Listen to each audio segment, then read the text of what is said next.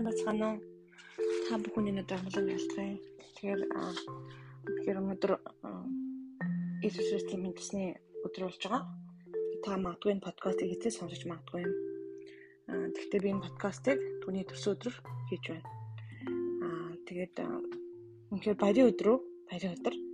Аа гэхдээ би өнөөдөр подкастаа яг хийдгээрээ л хийнэ. Аа гэхдээ асуулт байна. Та төрсөн өдрөөр юу хүсдэг вэ? Жохон байхдаа би төрс өдрөө бэлэг авахыг хүсдэг байсан. Найз нөхдөд суухыг хүсдэг байсан. Тэгээд том болгоцсон сүүлийн хэдэн жил бол төрс өдрөөрөө хүмүүс туслахыг хүсдэг болсон. Номын сан байгуулдаг болсон. Өвчтөе хүмүүст эмнэлэгтээр тусалдаг байсан. Өнчөө хүмүүст бэлэг өгөхийг хүсдэг байсан. Ингээд л сүүл рүүгээ төрс өдрөөрөө үйлчлдэг болсон. Төрс өдрөөрөө идэл чөлөөлт хийдэг байсан. Тэгээд тэр өдөр бол их хүчтэй байдаг ба туслахч сүндэр Тэгэхээр асуулт байна. Төс өдрөөр та юу хүсдэг вэ гэж хүмүүсээс асууж өгвөл тэр юу хүсэж байгааг нь их гоё тийм үү? Хичнээн сюрприз барьж болох ч гэсэн аа үнэхээр тэр хүн юу хүсэж байгаа юм? Тэгвэл Иесус юу хүсэж байгаа бол та Христэс та юу хүсэж байгаа гэж суул Иесус Христ зовцсон байгаа хүмүүсийг хална. Өнөөдөр би юу хэлсэн бэ гэвэл жижигт гарсан. Жижигт гарна гэж юу гэсэн үг юм бэ гэхээр хүн болгон баяртай байгаа шүү дээ. Харин гэтэл э, үнэхээр зовж байгаа хүмүүс байгаа. Крисмас тэмдэглэж чадахгүй итгэж нар зөндөө байгаа. Хүүхд нь галзуураад тэмдэглэх татсан хүнтэй би залбирсан. Аа тэгээд бас харахгүй болсон хүнтэй залбирсан. Тэгээд э, хүүхдүүд нь хураагаад авсан хүнтэй залбирсан. Орон гэргүй болцсон. Яхаа мэдгүй байгаа хүнтэй залбирсан. Нөхрөө халаад шоронд орсон орох гэж байгаа бидэтэй залбирсан. Гэхдээ тэр хүн 10 хэдэн жил дэрлэгсэн үнийг алсан. Мэдээж хүн алах нь буруу буруу. Аа ер нь бол өдөржингөө л түүний эмнэлэг дээр янз янзын бэртэл авсан хүн эрдэгтэй адилхан л байсан гэж хэлж болно.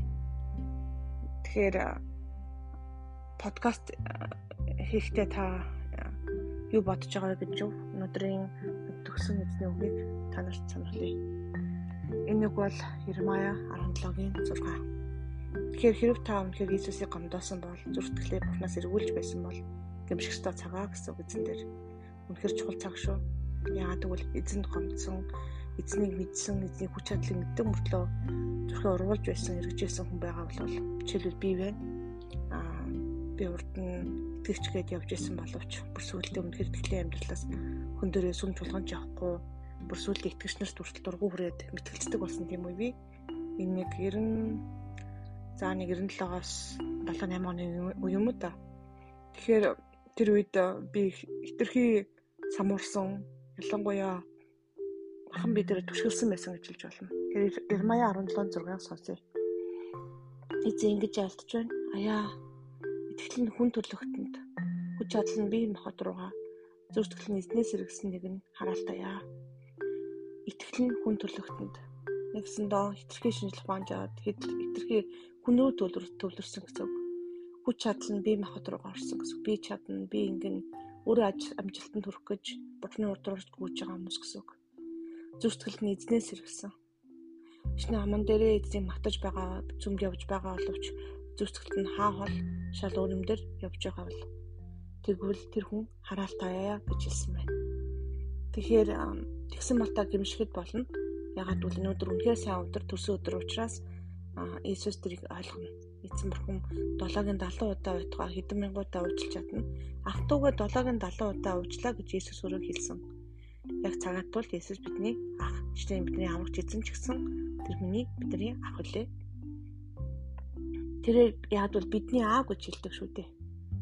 Тэрээр цүлдэх тэр иймэрхүү байдалтай байгаагаа та мэдхэд яаж мэдэх вэ гэхээр Тэр цүлдэх бут мэд хөгжил цэцэглэл ирэхэд харахгүй харин оршин суугчгүй давс нутагт буюу зэлүүд нутагт чулуурхаг газарт амьдарна.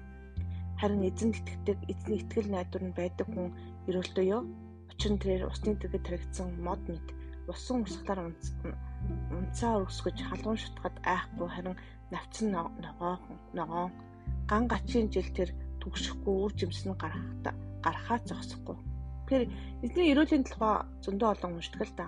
Тэгэхээр би та бүхэнд яг хэрвээ эзэн бухнаас зүрстгэлээ холдсон итгэлээ хүн төрөлхтөнд тавьсан хүч чадлаа бие махбодондоо тавьсан хүн байвал ямар юм болтой юм бэ гэхээр бүх юм сайхан болоод болж яг болоод ирэхээр л унждаг байна. Яг бол хөгжил цэцлэх үед нь гарахгүй. Яг дээшээ гараад гардггүй. Харин оршин суугчгүй давс нутагт буюу нэгсэндээ хажууд байгаа хүмүүс болоод тахад та ганцаараа болохгүй байгаа ч юм уу орчин тойрныханд болохгүй байх юм бол та хараалтай байна гэсэн тэр өмнөөс гимшид зөвлөгддөг байгаа. Тэгээд би та бүхнийг бас өрөөх гэж байна. Аа харин эзэнд итгэдэг эзэн итгэл найд эзэнд итгэл найдвар нь байдаг хүн өрөөлтэй юу гэж. Тэгэхээр эзэнд итгэдэг эзэн итгэл найдвар нь байдаг хүн өрөөлтэй юу. Учир нь тэр усны дэрэг таригдсан мод мэд. Усан урсгалаар үнцээ өргөсгөж халуун шатахад айхгүй харин навцсан ногоон ган гачгийн жил тэр төгшөхгүй үржимс нь гаргаад зогсохгүй гэжэлсэн. Тэгээд энэ цаг мөчид та өнөхөр эзэнд итгэдэг тэр хүн байгаараа тэгээд үнэхээр урсгал усны дэрэг таригдсан мод шиг амьдраараа гэж би үнэхээр чин сэтгэлээсээ хүсэж байна. Тэгээд үнэхээр өрөөж байна энэ цаг мөчид. А тэгээд итгэлийн амьдралаар алхна гэдэг бол цаг тухай бүрдээ яг л дайчин байна гэсэн төвний эмдгийн эмчиг заримдаа байдаг байгаа. Тэгээд хэдий тийм боловч Иесус үргэлж танд хажууд байдаг шүү. Яагад гэвэл Иесус төрс өдрөөрөө хүмүүс туслахыг хүсдэг. Баярлалаа. Баярлалаа. Таны амьдрал хэцүү байгаа бол найдар үргэлж би найдар зөвхөн Христ дотор байгаа шүү.